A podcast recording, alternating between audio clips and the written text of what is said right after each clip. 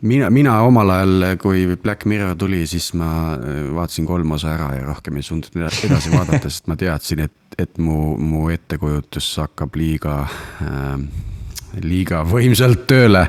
et, et see reaalselt mõjutas seda, kuidas ma mõtlesin nagu asjadest. seepärast ma küsisin ka selle psühholoogilise küsimuse, et no kuidas inimesed nagu sellega hakkama saavad, et et see, see on hämmastav, kui võimas see mõjutus on.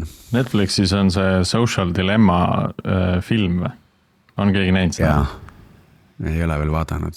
Johannes oli, see on hirmus, eks ole. ma võtan juba kaks nädalat aega, ma ei julge vaadata seda, sest ma hakkan kogu, kogu maailma teistmoodi nägema, siis pärast seda ma tean et kindlasti ma vaatan ta ära, aga see on hirmus.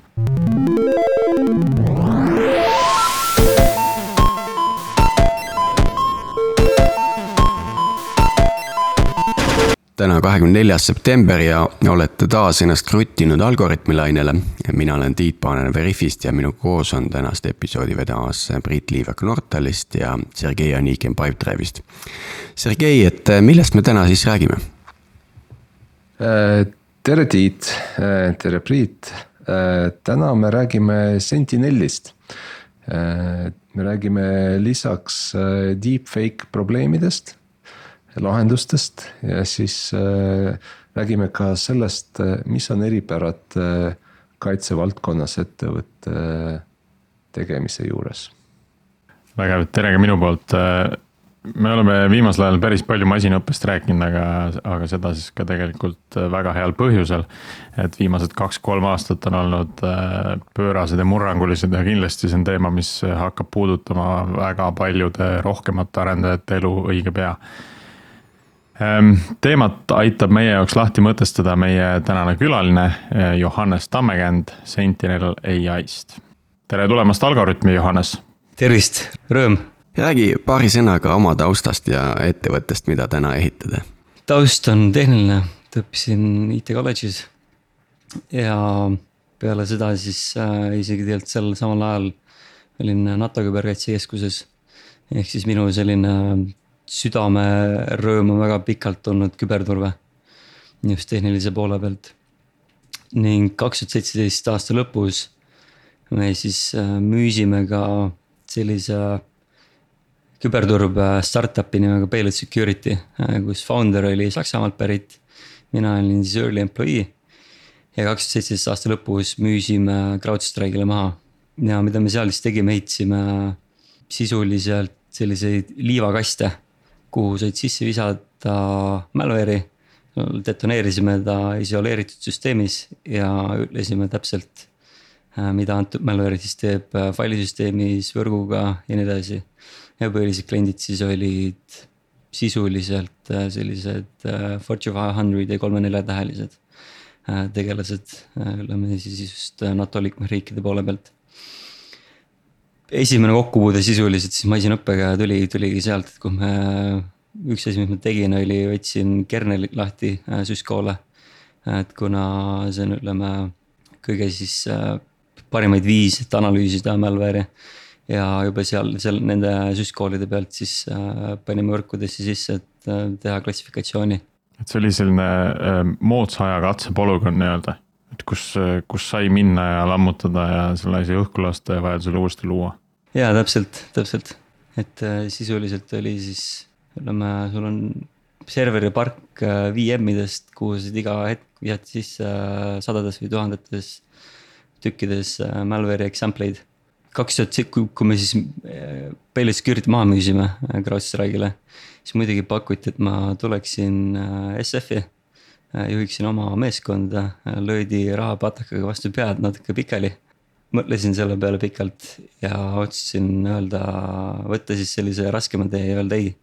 et alustada iseenda startup'i, kes siis co-founder'i Kaspar Petersoniga. siis kaks tuhat kaheksateist alguses lükkasime ta käima. tol ajal võib-olla noh, tegelikult isegi praegust, mis me siis tegime, oli natuke sihuke futu ja võib-olla siis tead, see lugu läheb sellesse tagasi, et kui ma, kui ma mäletan, et ma olin laps. ja võtsin selle Enekese raamatu suure kätte ja vaatasin, et okei okay,, et siin on kogu maailma info on siin sees. ja siis tuli järsku mühinal tuli internet ja kõik piirid kadusid ära järsku infol. aga samal ajal meil ikkagi veel piirid on meil inimeste vahel olemas, et me hetkel peame siin selle podcast'i jaoks äh, aega kokku leppima. Teil on ainult kakskümmend neli tundi, meil kõigil on ainult kakskümmend neli tundi päevas aega. Aga nüüd kujuta ette, et sa võtaksid enda personaalsed andmed, äh, sa looksid endast sellise digitaalse klooni. Äh, nii-öelda siis sellise väikse krati, kes siis sinu eest sisuliselt oleks võimalik suhtlema sellisel elementaarsel tasemel.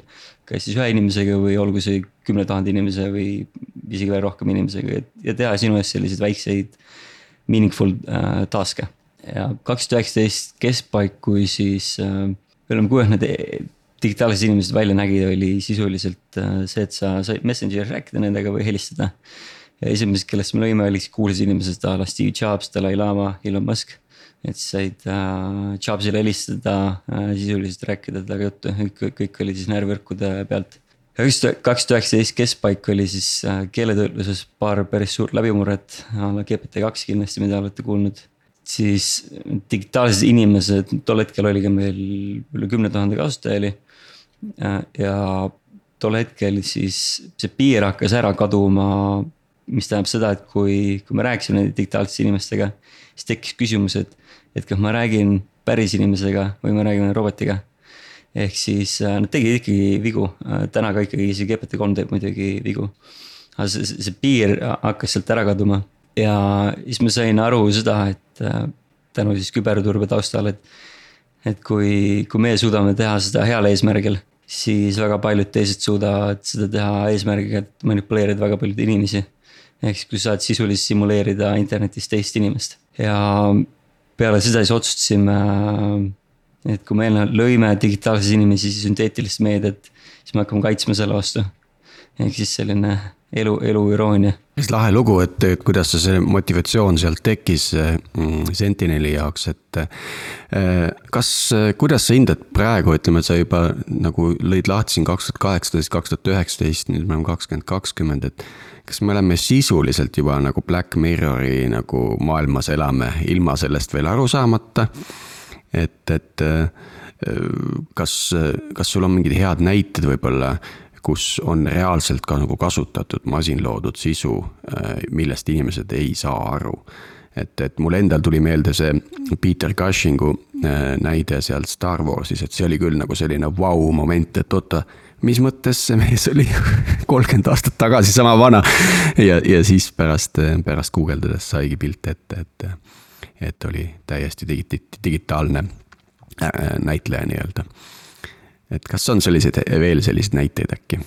jah, neid äh, näiteid on palju ja võib-olla üks põhjus, miks me nendest ei, ei teagi, ongi selle tõttu, et me ei tunne neid ära ähm,. aga siis võib-olla mõned konkreetsemad näited on alates siis finantsuudistest a la Bloomberg kirjutab, siis masinad kirjutavad artiklid valmis äh, samamoodi siis olgu video, video baasil deepfake'id, et kui näidata inimestele ütleme siis kõrge kvaliteedi deepfake'e panna inimesed ekraani ette, äh, öelda, et üle milline video on päris ja milline deepfake. inimesed ei suuda, suuda enam seda vahet teha. samuti siis äh, teksti, tekstiga, ehk siis täna ütleme, küsimus selles, et kui palju on näiteks Twitteri äh, tweet'e robotite poolt sisu on kirjutatud. keegi ei tea seda, statistiliselt isegi Twitter ei tea seda. aga see on kindlasti on see Äh, ütleme siis arvestatav ja teksti puhul on ka see aspekt, et kuna siis selles kahesaja kaheksakümne karakteri tweet'is on infot ehk siis bitte nii vähe teksti puhul. et äh, seda enam juba tuvastada ei ole võimalik, et kas see asi. seal võib ka kolme sõnaga vastata sinna, et. Äh, ja täpselt, et, et, et ei ole enam, sul ei ole enam võimalik mingit signaali püüda kinni sealt äh, puhtalt teksti pealt ainult, et kas tegemist on inimese tweet'i või GPT-3-ga. ja samamoodi olgu siis see ka audio puhul. et, et see kvaliteet on juba, juba jõudnud sinnamaani. ja veel neid konkreetsemaid näiteid, et olgu kas siis äh, India poliitikud, kes on teinud ennast üks lugu, kus äh, Indias on hästi palju erinevaid keeli. ja kui sa nüüd poliitik ja sa tahad jõuda võimalikult paljude inimesteni siis miks üks, üks poliitik tegi, oli see, et äh, rääkis oma keeles ja siis tegi deepfake'is ennast äh,, kiidas siis sisuliselt india keeltesse. ja noh, inimesed vaatasid, et okei okay,, et hea poliitik, et ikkagi on, õpib minu keele ka ära. ja, jah oota, aga ma, ma siin, siinkohal küsikski, et, et see ei ole ikkagi igaühele kättesaadav tehnoloogia on ju, et sellist äh, kõrge kvaliteediga fake'ide tegemise tehnoloogiat, et. Et mis tasemel organisatsioonid või isikud äh, saavad seda kasutada ja, ja, ja kust, kust see nagu piir läheb, et. sisuliselt äh, täna number üks entertainment, number üks entertainment äpp USA-s Apple App Store'is on Reface Äh, mis on siis deepfake äpp ja TikTok on number kaks. ehk siis äh, võite ette kujutada, mis traction sellel asjal on. Et tõsi küll, äh, selle kvaliteet on, ta on, ta on väga, väga kõrge. aga ta kvaliteet ei ole sealmaal, et sa lollitad inimese, inimese ära. nüüd see kvaliteet, et ütleme sul, sa lollitad inimese ära, on sisuliselt, kui sa oskad käsurida Äh, sul on üks GPU olemas, äh, tahan natukene häkkida, siis täna on, lähed GitHubi, ähm, sul on repod, kus on, just vaatasin, kakskümmend tuhat äh, staari on kõige populaarsemal. tõmbad graafilise liidesega programmi alla, mis paned kaustadesse videod ja teeb sinu eest sisuliselt töö ära. Ähm, ehk siis ja, ja, ja analoogis seda, ütleme siis sellist erinevaid motivatsioone ja sellist threat landscape'i saab modelleerida hästi küberturve sarnaselt. ehk siis sul on sisuliselt selliseid low äh, nii-öelda create deepfake'e, mis lollitavadki inimesed ära. on siis ütleme selliseid script kid'i saab teha äh,, siis kasutades open source GitHubi reposid. ja sisuliselt see siis, siis äh, lõpuks on välja teisel pool siis seda spektrumit on äh, sul riigid kes siis sarnaselt ka täna, ütleme, arendavad oma zero day'sid. ja sul on ka deepfake ides on teatud sellised asjad nagu zero day deepfakes. mis tähendab seda, et kui eelnevalt ei ole ühtegi mudelit või arhitekt-, mudelit või arhitektuuri äh, open source itud ja sellist deepfake'i pole enam nähtud. siis äh, kui sul on palju raha, seal nation state, siis sa saad välja arendada deepfake'i, mida tänased äh,. ütleme, mis tuvastusmeetoditel on äärmiselt keeruline kinni võtta ma olen aru saanud, et see ähm, noh, ütleme, kui, kui nüüd Sentinel pakub äh, siis just seda algoritmi või seda, seda viisi, kuidas tuvastada deepfake'e, olen ma asjast õigesti aru saanud. et siis äh, sellised levinud praktikad ongi just äh, sellised või levinud tehnikad ongi sellised, et sinna masinasse söödetakse sisse mitmeid erinevaid levinud viise, kuidas deepfake'i tehakse ja siis see ai suudab tuvastada, kas neid äh, meetodeid või tehnikaid on äh, rakendatud. aga sellistel juhtudel, kus on äh, riigi poolt arendatud mingi täiesti oma uus tehnika, siis seda on äärmiselt raske tuvastada. just mm. -hmm. mida Priit siis praegu, nagu ma üritan enda jaoks lahti mõtestada, ehk siis, et Sentinel teab viise, kuidas deepfake'i tehakse ja siis ta suudab neid tuvastada. ja nüüd, kui seda viisi, kuidas seda tehakse, ei ole avalikustatud, siis seda on väga raske tuvastada. kas seal on mingisugused asjad siis, ma vist no, nagu lugesin seda raportit ka, et seal on ikkagi mingisugused parameetrid või mingisugused nüansid, mis nagu jäävad. noh, mingid, mingid müra, müra jääb nagu sinna pilti sisse ja siuksed, et see, see, ta nagu ei ole ikkagi puhas kuidagi, et see, see on isegi tuvastatav siiski, et see on fake või? täna siis, siis äh, ütleme selle, kui me lähemegi selle teise spektri otsa, et selle riigi, riigi aspekti poole.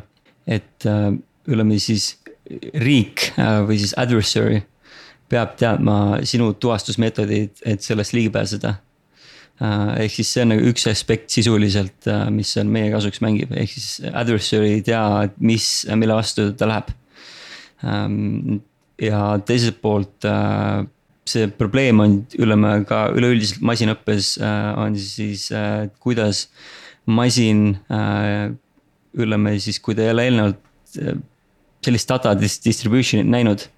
et kuidas ta generaliseerib selle peale. ehk siis sul on, ütleme, kujutame ette, et sul on pedestrian närvivõrk, mis siis tuvastab jalakäijaid ja nüüd on jalakäija, kellel on äh, Kalgiraku kostüüm seljas. et äh, mida see ähm, närvivõrk tegelikult seal äh, tuvastab, ehk siis ta ei ole seda nagu data näinud. ja nüüd, kui adversary, ütleme siis riigi tasemel loob siis deepfake'i, siis ta üritab jah sinna panna erinevaid ütleme seda signaali ära peita. ta üritab teha siis sellist adversarial ML-i a la see, et paned pikslid video sisse, et kõigepealt üldse lollitada näotuvastust ära.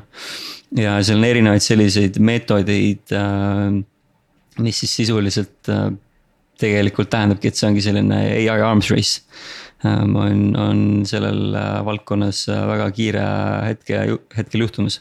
Et see töötab mõlemat pidi põhimõtteliselt?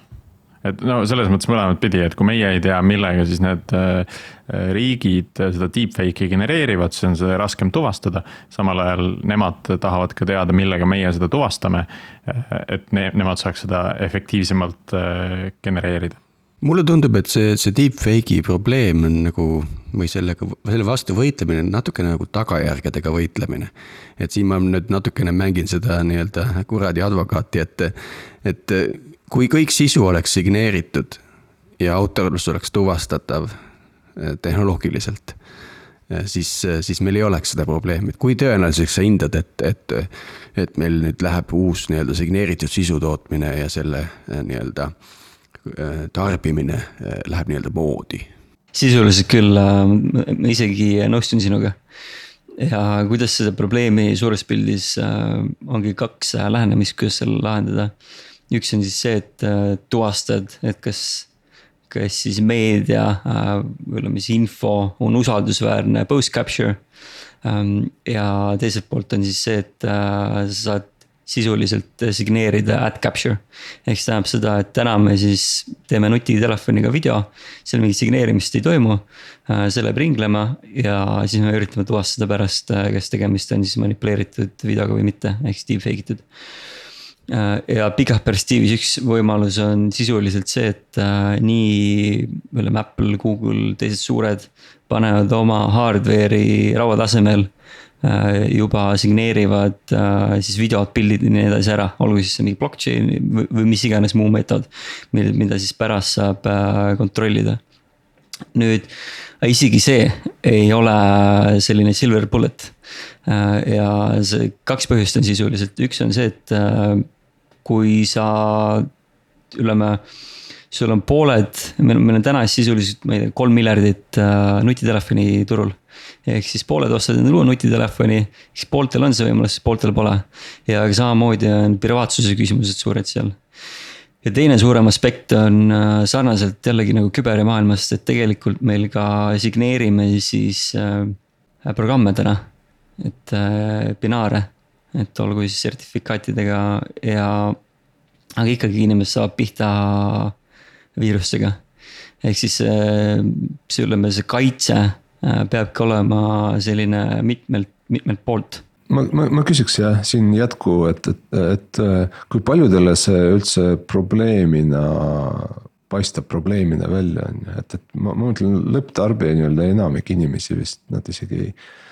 noh, ei mõtle sellele, et kas see video on nüüd äh, fake itud või, või, või päris, on ju, et, et. kes, kelle jaoks tegelikult see probleem on? Ja kui, kui, kui lõpptarbija juba selle peale mõtleb, siis, äh, siis see on väga suur probleem. ehk siis sul hakkab tekkima kahtlus, äh, ütleme, kas tegemist on, et kui, kui sisuliselt me jõuame sellise tipping point'ini. kus äh, piisavalt, inimesed piisavalt palju deepfake'e näinud. siis sa sisuliselt võid hakata küsima väga paljude videote kohta või meedia kohta, kas tegemist on deepfake Uh, nüüd hästi tähtis on mainida seda, et deepfake'id on olnud kaks ja pool aastat uh, sisuliselt peale loomist. ja see on äärmiselt, äärmiselt noor turg alles. Ähm, esimesed aastad, mida internetti kasutati sisuliselt ütleme, oli ka porno jaoks.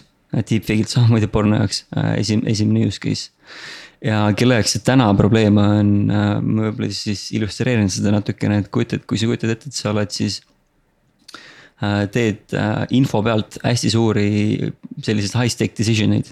mis tähendab seda, et sa oled, ütleme, analüütik, olgu siis kusagil kolme-neljatähelises organisatsioonis.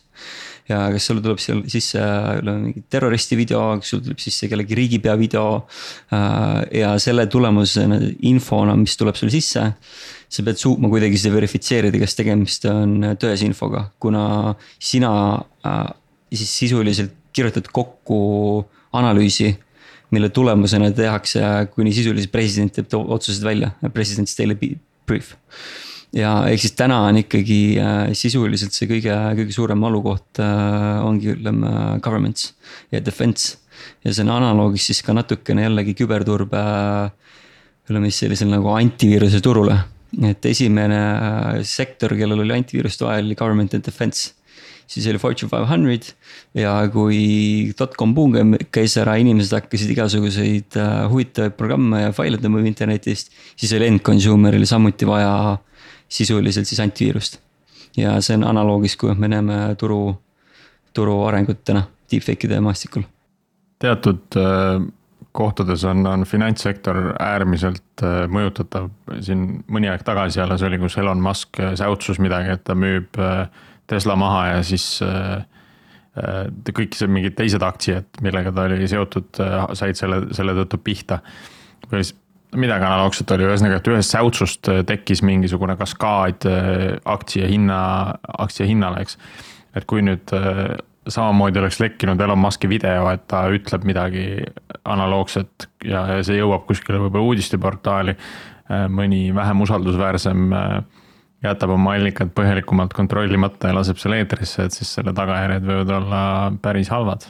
jah, täiesti, täiesti õigus ja, ja täna ongi siis kaheksakümmend protsenti sisuliselt äh, infost on video consumption. ehk siis see on meie põhiline info, infoallikas tegelikult äh, sotsiaalmeedias. ja see konkreetne näide, mis sa tõid, on täiesti, täiesti ütleme selline relevantne.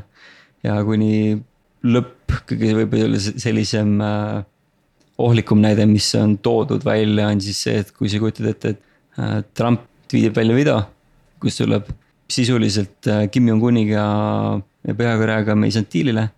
vaid nad siis ähvardasid, et alustavad sõda. selle peale me alustasime ennetava sõja. see tweet läheb kohe vairaliks, Põhja-Korea luure vaatab. me peame strateegilise otsuse tegema, laseme oma raketid välja ja peale mida tegelikult tuleb välja, et Trumpi Twitteri konto häkiti ära, äh, mis just hiljuti paljude kontod, Bideni kontot häkiti ära. ja video oli deepfake, ehk siis äh, täna on, ütleme siis selliseid, kuna me ikkagi, meie silm on kuningas, äh, siis sisuliselt me võtame seda kui tõene. ja see põhjus on selle tõttu, et, et kui me kunagi istusime lõkke taga, olime, olime hunter gatherers. ja kui ma nägin siin lõkke ümber siis see pidi olema tõsi, et see ei, ei saanud kuidagi ära lollitada. ja see, see, see on täiesti hoopis tegelikult teine, kuidas me näiteks protsessime teksti. et äh, teksti vahel on meil, ütleme ajul on teatud selline. Äh, kriitiline mingi filter on vahel. just täpselt ja see visu-, ütleme visuaalne pool on hoopis äh, rohkem subconscious meie jaoks. kas sellest deepfake'ist kuskil üldse kasu ka on või? praegu tundub, et see on nagu hirmus kuri asi algusest peale nagu mul on väga hea meel, et sa küsid seda küsimust ja on küll kasu. ehk äh, me võime koheselt äh, mõelda selle peale, et äh, see, et kui, kui eelnevalt siis selliseid asju tehtigi sisuliselt, sul läks miljonid dollareid ja Hollywood suutis seda teha. et olgu siis, kui siis Star Warside filmides või varemalt, et inimest nooremaks või muuta teda, kui inimene on näiteks Paul Walker, kes suri ära ja nüüd sisuliselt äh, sul on, sa suudad äh, demokratiseerida äh, selle content'i ja Hollywoodi poole. ehk siis sa võid ette kujutada, et sa, sina kirjutad sellise, ütleme, stsenaariumi kokku. ja masin sisuliselt siis paneb sulle need pildid ja videod ja, ja selle content'i sinu jaoks kokku aga on sul, on sul mõni hea näide nagu beyond entertainment industry ka? Jaa, on, ütleme sul Fortune five hundred'i poole pealt on näiteks äh, videode. Äh, samuti siis ütleme, sa annad videodega hästi palju infot edasi, et olgu siis äh, mingi corporate education training. siis üks selline ettevõte nagu Synthesia et see on siis... materjali genereerimine sisuliselt. just, just ja kuna sul materjal kogu aeg muutub, see on kulukas on minna inimest filmima kuhugi stuudiosse. siis nüüd sa sisuliselt kirjutad, äh, ütleme tekst, kasti teksti sisse ja siis sul sünteesitakse see asi valmis. samuti on, äh, ütleme siis selline dokumentaalfilm oli nagu Tsetseenest, kus siis ütleme tehti dokumentaalfilm Keidest seal ja kuna seal muidugi koheselt, kui nad tuleksid oma nägudega välja seal, siis neid diskrimineeritakse. ja mis siis tehti, oli siis sisuliselt äh, anti neile deepfake näod. Ja, ja samuti ütleme siis äh, võib-olla te olete näinud, on Facebook äh, kõige siis sellised ehitab VR-i, VR-i avatare. mis on inimese näoga äärmiselt sarnased. see on samuti tegelikult siis hästi deepfake'i tehnoloogiale sarnane ja et neid häid külgi on olemas, samuti mängutööstus, see, et sul tegelikult lõpuks ongi graafika, sa suudad simuleerida äh, lõpuks äh, siis põhimõtteliselt nagu kvaliteeti. just, just nagu video kvaliteeti ja et neid näiteid on ka, kus Youtube'is panna sisse deepfake games. et kus siis äh, ongi mängunägudele asemele pandud, ütleme siis päris inimeste näod. ja jällegi, kuna see turg on nii varajane et siis neid häid külgi kindlasti ka tuleb, tuleb äh, juurde. Aga jah, samas, samas me ise ütleme omalt poolt tooks välja, et, et ta on natukene nagu selline püssirohi Äh, püssirohu leiutamine Hiinast, et äh, püssirohuga saab siis ilutulestikku teha ja saame suuri pidustusi teha. aga samal ajal siis me saame nagu väga palju, ütleme, on tapetud siis väga palju inimesi selle tõttu ära. ja, ja sarnaselt on ka siis ütleme deepfake'ide aspekti poolt, et jah, et ta küll toob, ütleme siis häid külgi, efektiivsust, nii edasi. aga need äh, struktuursed riskid on suuremad sellega, kui siis ütleme selle nagu tehnoloogia head küljed jah, tehnoloogial, tehnoloogia ei ole hea ega halb, eks ju, et tema, teda saab kasutada nii heaks kui halvaks.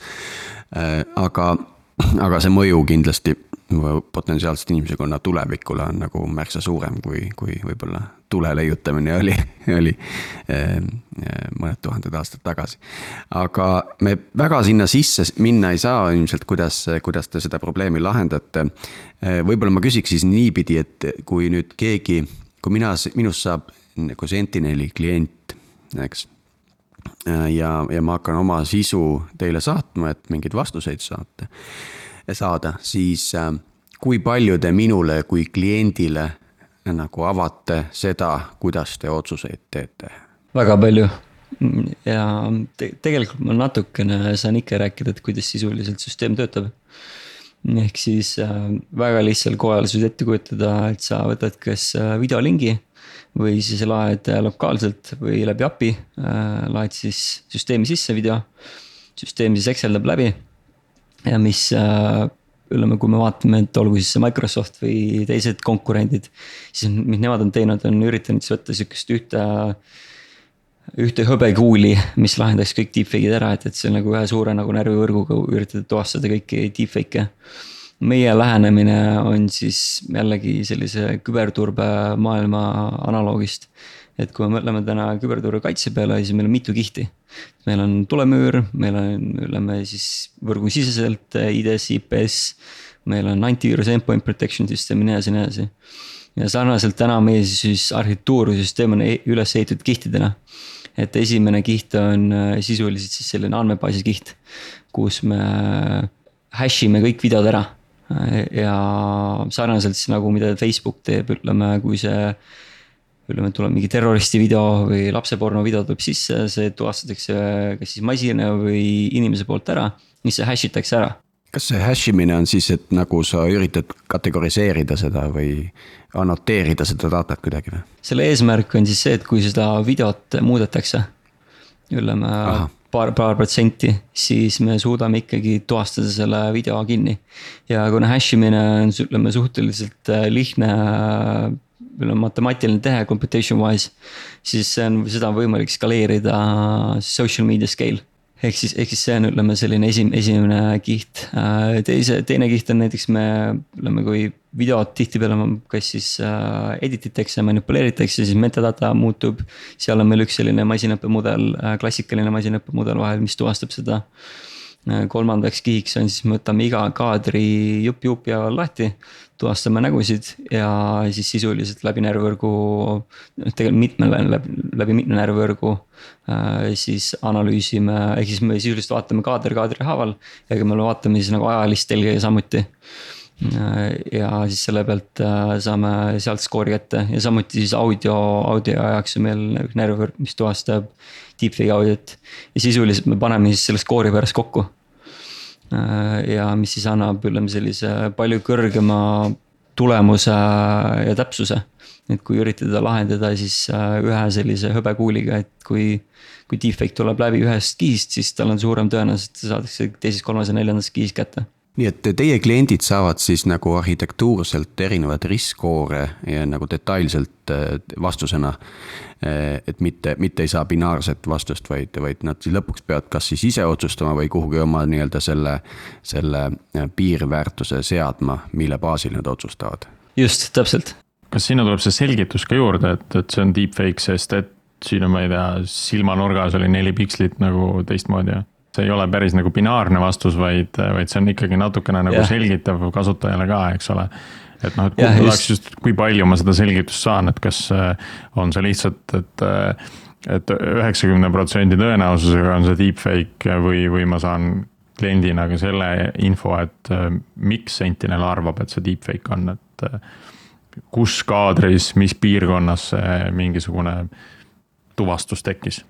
Deepfake'ide, deepfake idega oleme juba jõudnud sinnamaani, et enam ei saa anda binaarset vastust.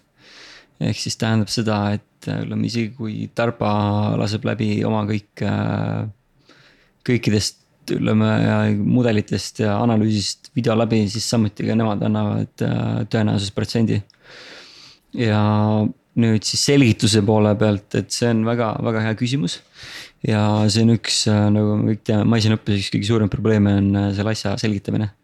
ja mõistetavalt kliendid ei taha saada sellist black box prediction'it ehk siis meil on, ütleme väga tugevalt oleme rõhku pannudki siis selgituse poolele.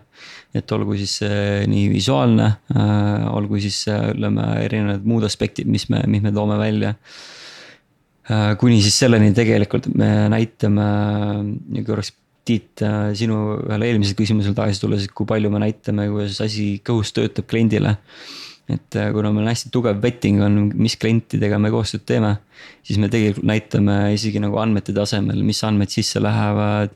Äh, mis on andmed, ütleme dataset distribution, mis tähendab seda, et väga palju oleme kuulnud sellest, kuidas näotuvastus, näärivõrk näiteks diskrimineerib mustanahalisi.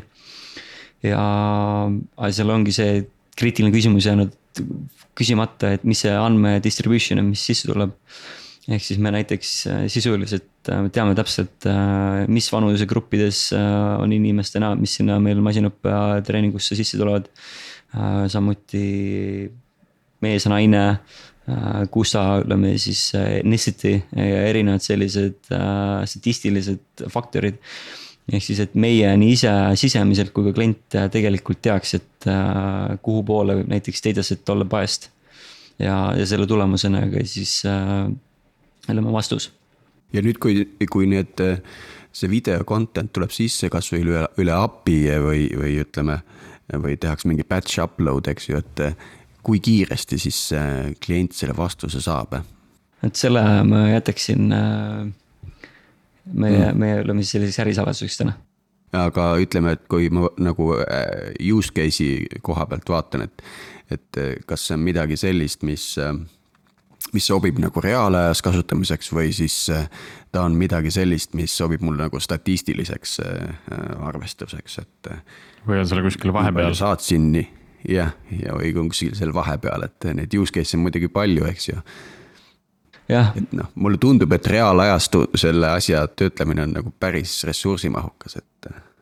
väga ressursimahukas ja täna ta ei oleme siis, äh, kuna me ta sellises arhitektuuri poole pealt oleme ehitanud modulaarsena, ehk siis nagu need erinevad kihid, äh, mis ma just mainisin ja erinevad kihid on erinevalt äh, skaleeritavad. siis sisuliselt ütleme, osad kihid juba täna on võimalik skaleerida väga suurtesse mahtudesse. Aga siis selle nagu kõik viimased, et kõikidest kihtidest läbi käia, siis ta ütleme siis ei, ei ole veel äh, ta oleks skaleeritav, aga lihtsalt see ongi see ressursi küsimus. et kui panna, ütleme Kubernetes jooksma hästi palju noh, teha nagu väga suur klaster, ähm, siis äh, lihtsalt peab nagu see business case või nagu ROI peab taga olema sellele, et, et analüüsida nii suuri mahte läbi. Ja see on samuti ka tänane siis ütleme sotsiaalmeedia platvormide poole pealt äh, küsimus, et Youtube, Facebook, Twitter nii edasi. et äh, need kõik videosid hakkaks läbi hekseldama siis sellises, selline nagu business, business incentivization peab seal taga olema, et seda, seda samuti teha et no kui on tava, tavapärases videos on selline kolmkümmend kuni kuuskümmend kaadrit sekundis, eks. ja nüüd noh, videoklipp võib olla ju minut, minuteid pikk, et siis neid kaadreid, mida seal lahti võtta ühekaupa ära töödelda, on, on hästi palju. Ehm, et kui, kui palju seda sisendmaterjali üldse olema peab, et noh, et kui mul on kolmeminutine video, eh, mulle tundub, et see kõik on deepfake aga ma tahan ainult keskelt sealt ühte kümnesekundilist eh, fakti väljaütlemist kontrollida või valideerida et kas see kümme sekundit on nüüd nagu autentne, et ega seda muudetud pole. kas see, selline asi on ka võimalik, et ma saan nagu mingi alamosa võtta ja selle pealt või äh, parema usaldusväärsuse saavutamiseks oleks ikkagi vaja kogu see video sinna sisse sööta? meie jaoks ei, süsteemi jaoks ei ole vahet. et sisuliselt äh, ongi, me, kuna me käime siis oleme siis kaadrite poole pealt samuti, et seal on võimalik trikke teha, et kõiki kaadreid ei pea vaatama Ähm, seal on samuti, ütleme, kui me näiteks näotuvastust, näotuvastuse poole pealt on üks selline, võib-olla te ka Tiit Verifi näiteks teete. et alati kui näotuvastust ja sa ei pea iga, nagu võrguga tegelikult äh, iga kaadril näotuvastust tegema. vaid sa võid teha ühe näotuvastuse ära ja kuna sul statistiliselt sul on tõenäosus, et see nägu eriti olukordades, kus see nägu ei liigu kiiresti, siis sa võid lihtsalt matemaatiliselt arvutada seda, et, et okei okay,, et see nagu järgmised kolm-neli kaadrit on see nägu suure tõenäosusega seal äh, väga, väga ütleme siis jällegi äh, computation wise äh, odav. ja siis, kas see on tervikvideo või äh, klipp äh,, täna me hekseldame äh, kõik selle läbi, mis sa sisse paned, et äh, sisuliselt ütleme, et kui sul ongi video algus on päris, pole midagi tehtud seal Äh, video keskel kaks sekundit läheb deepfake'iks, äh, tuvastame ära selle ja süsteemi jaoks ei ole vahet. täna te jooksete kuskil pilve otsas, ma eeldan, et, et sellist äh, ressursi nõudlikkust siis nagu rahuldada. kas sa saad ka jagada, kus pilvest te jooksete või, või mida te jooksete kõikide peal, et mis need, mis need suuremad pakkujad on? GCP, AWS ja kõigepealt olime AWS-i peal ja siis äh, mõnda aega tagasi kolisime GCP peale. kas, äh, kas seal on parem selline ai võimekus täna kui, kui AWS-is? oleme ai poole pealt, äh, mõlemal pilvel on siis oma siis pakitud, kokku pakitud teatud teenused, tooted olemas ai poole pealt. Aga kui sisuliselt ehitada ikkagi sellist custom asja siis on ikkagi sisuliselt täna see oma stack'i peale ehitamine. ja et, et me ei ole nagu seal suurt vahet, vahet leidnud äh, selle ai poole pealt. miks me just ümber kolisime, oli, saime startup'i jaoks krediiti. ja ise oleme, oleme siis, Google Cloud on natukene sellisem äh, liidese poole pealt kasutusõbralikum, aga lõppude lõpuks uh, whatever gets the job, job, job done, et pole vahet täna Sentinel selliseid eh, noh, teenust, ütleme AWS-i ai teenust või Google'i ai teenust öö, eh, otseselt ei kasuta, et see on ikkagi täiesti custom build sinna otsa. ja, ja just, just, just. et pigem lihtsalt see pilve computational ressurss on ju. just. mis, mis teie tulevikuplaanid on, et kui suureks te üldse plaanite kasvada? tundub väga skaleeruv see asi ei ole, kui iga kliendiga selline väga põhjalik suhtlus käib siin äh, jällegi, et kui seda turu, turu poolt vaadata, siis turg on vist alguses. ja see põhiline tänane vajadus on äh, siis riikidel ja defense'i sektoril. ja sisuliselt see, kuna äh, enamus ärid on usalduse peale üles ehitatud, olgu need pangad, olgu need, olgu see Veriff, olgu see Pipedrive samuti, olgu see Airbnb siis äh, teatud määral sellist äh, ütleme info jaoks äh, usaldust on vaja pakkuda. ehk siis ütleme, see skaleeritavus täna ta kindlasti ütleme, see defense ja kaitsesektori poole pealt ütleme, see müügitsükkel on pikk. Ähm, samas, kui seda müüki ära teha, siis on üldjuhul see avab koheselt väga palju teisi uksi. Ähm, defense'is on, ütleme, diilid on suured ja ja kuhu me ütleme siis kasvada tahame. tegelikult, et jällegi ongi see analoogis siis äh, ütleme turu poole pealt on kui täna defense government. järgmise Fortune five hundred ja lõpu, lõpuks on tegelikult äh, ka siis end user. ehk siis eesmärk on, et lõppkasutajal oleks samuti võimalik saada teatud kindlus. kas see video või ütleme meedia, mida ta siis, kes endale lokaalselt arvutisse tõmbab või scroll ib sotsiaalmeedias.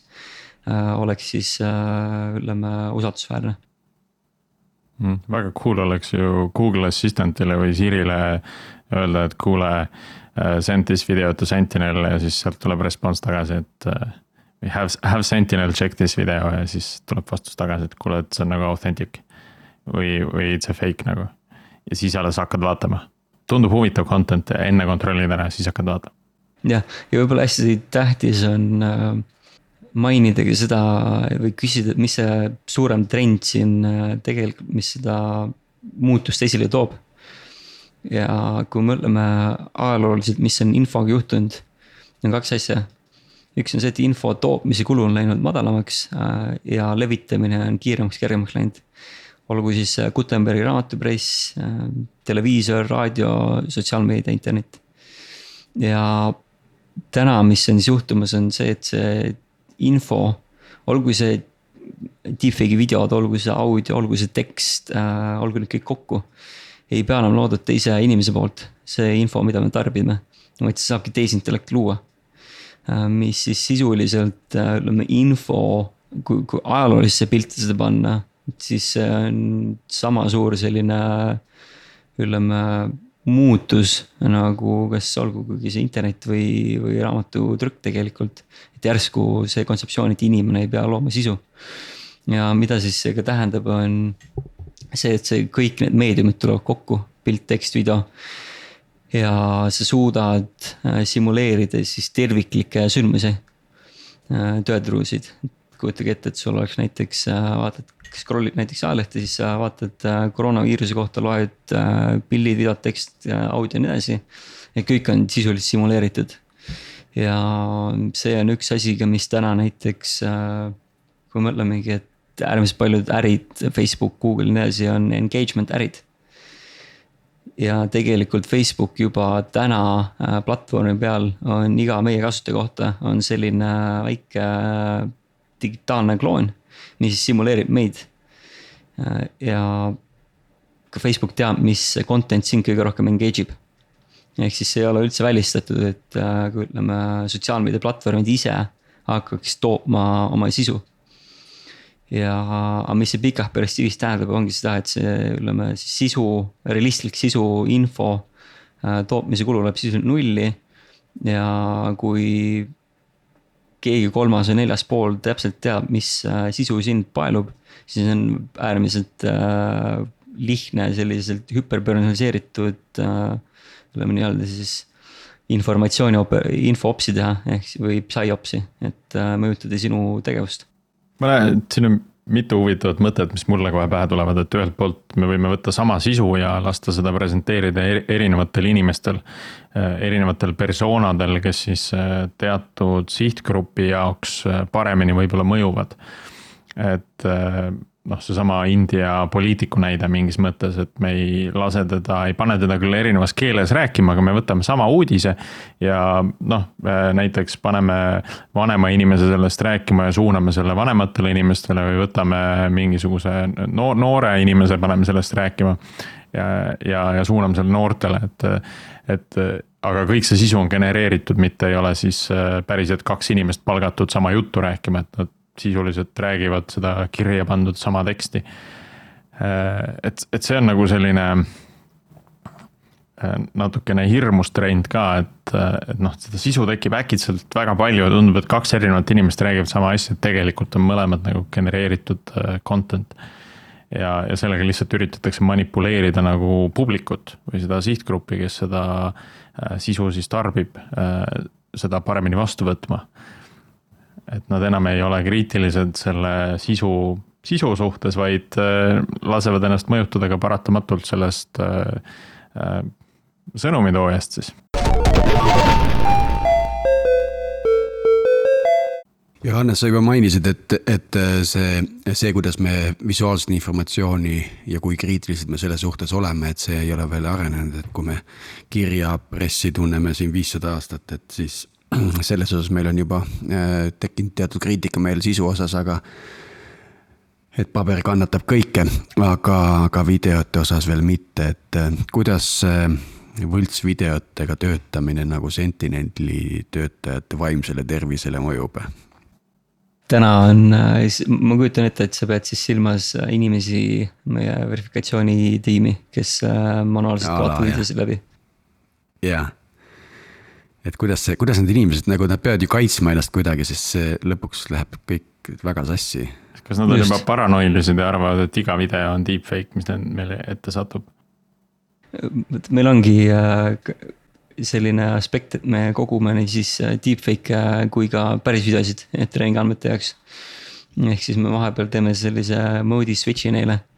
ja seni paistab, et on, on õnnelikud ja, ja veel ei ole see nagu piir ära kadunud, et eh, kus nad hakkavad nagu real videosid panema deepfake ideks et, et äh, aga kindlasti noh, ma kujutan ette, et nende nagu see silm äh, on juba, juba palju teravam äh,.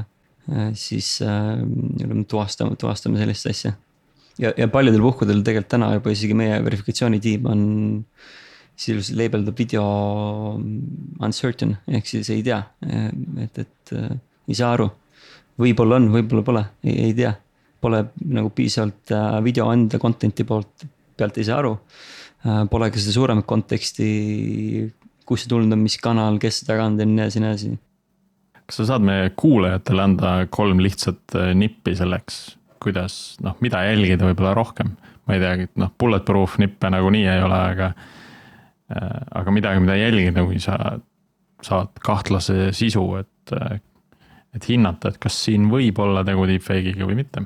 jaa, alguses siis äh, kaks tuhat kaheksateist ähm, alguse poole oli näiteks see, et need deepfake'id ei, äh, silmad ei pilkunud. ja põhjus oli siis selles, et äh, võeti treeningmaterjali sisse, kus polnud inimestel kinnisi silmi. ja noh, siis deepfake kann siis ei genereerinud ka et äh, ei osanud pilgutada. tuli siis research paper välja, kus siis tuvastati selle järgi. kaks nädalat järjem, hiljem siis äh, parandati ära, võeti pildid sisse, kus olid silmad, kinnised silmad ka. õppisid kohe naksti pilgutama kahe nädalaga. ehk siis, ehk siis põhiline on see, et äh, content'i enda pealt ei, ei ole enam tegelikult väga, väga võimalik vaadata. Ähm, nüüd, mis see põhiline soovitus on vaadata, kes seda jagab ehk siis, kes seda jagab äh, kusagil äh, noh, nagu kaks tuhat kuusteist USA valimiste ajal oli Texas äh, Lonely Star Twitteris, kes siis tegelikult oli ütleme siis Vene, Vene agent. või seda jagab siis New York Times, ehk siis see allika kriitilisus on kõige tähtsam. või siis seda ütleme jagabki nagu RT.com, et, et kui põhiline on see, et kui, kui me tunneme ära siis ühiskonnana et, et kus see, ütleme, kes seda ja mis on tema eesmärk selle content'iga, mida ta tahab jagada. siis me saame aru, et okei, et äh, ma ei tea, arti.com on ikkagi nagu põhiliselt Vene propaganda siis selline käepikendus. ja ehk siis see on number üks ja teine sisu poole pealt on näiteks see, et kas seda on üritatud asja emotsionaalseks spinnida ehk siis tihtipeale ütleme ka siis desinfo või väärinfo on äärmiselt emotsionaalne. et, et kuna üldjuhul äh, ütleme, faktipõhine info ei ole nii huvitav ja, ja, ja et need on nagu põhilised, põhilised kaks, äh, kaks aspekti, kolmandaks on muidugi see, et äh, guugeldage, pange see video näiteks pealkiri sisse, kas see tuleb kusagilt teistest allikatest välja. saab veel sellist trikki teha, et screenshot videost teha ja reverse image search'i et, et kui nagu väga, väga täpsemaks tahta minna. aga ütleme, see esimese kahe, kahega peaks päris kiiresti tegelikult aru saama. see on natuke nagu selline two-factor auth, et, et ma ei usalda lihtsalt seda ühte allikat, vaid äh, lähen otsin nagu kuskilt veel ja kui ma leian teise, kolmanda äh, kes on samuti usaldusväärsed allikad, noh siis seda suurem on see tõenäosus, et see päris, et see on päris asi, eks jah, see on väga, väga hea analoogia. samas see meediaorganisatsioon, kes mul seda videot näitab, võiks selle töö minu eest ära teha, et. jah, see ongi. Sentinel approved nõus, et, et, et see ongi sisuliselt äh, usaldusväärsed.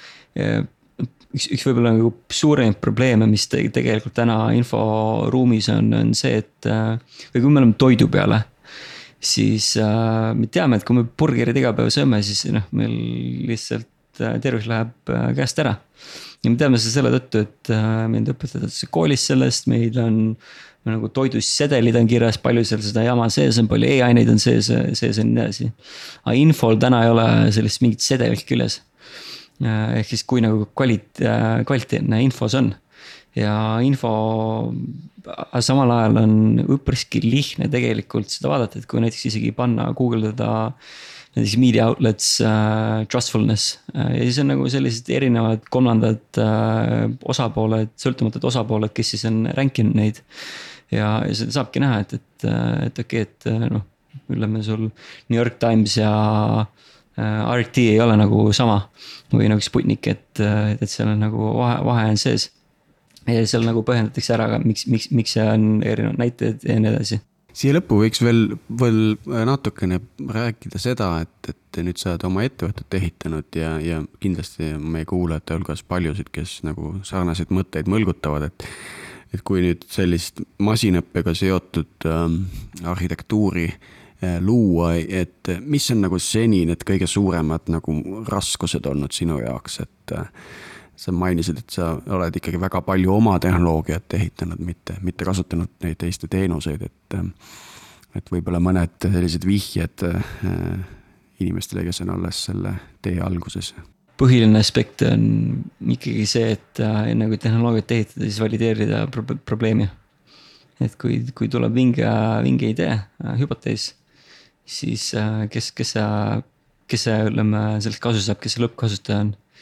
Ja võimalik, et võib-olla tema selle probleemi saab äh, ilma, ilma masinõpet ära lahendada või alguses teatud sellise, ütleme, tavalise programmeerimise ja inim, äh, ütleme, sihuke nagu Wizard of Oz meetod, ehk siis seal on teatud kassi taga on hoopis inimene, kes seda alguses manuaalselt teeb. ja siis see innovatsioonitsükkel on palju kiirem, õppekurv on palju kiirem. Ja nüüd, kui tulla spetsiifilisemalt masinõppe tehnilise poole peale just, siis mis ma tooks välja, on kaheksakümmend protsenti või isegi, kaheksakümmend protsenti lahendusest on andmed.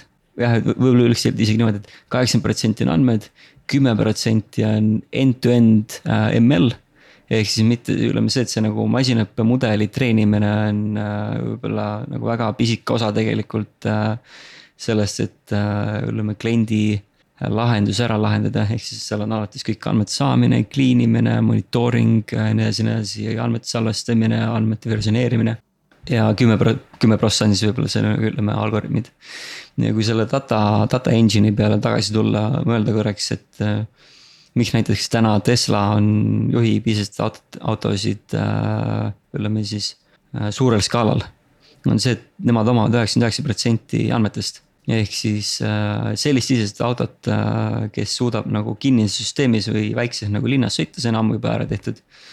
ja, ja põhiline ongi see, et kuidas saad kinni püüda selle long tail data kätte kuidas sa need kaelkirjakud ka tänaval ära tunned, kaelkirjaku kostüümis inimesed ära tunned siis? ja just täpselt ja, ja neid selliseid, kuna päris maailm on väga messi.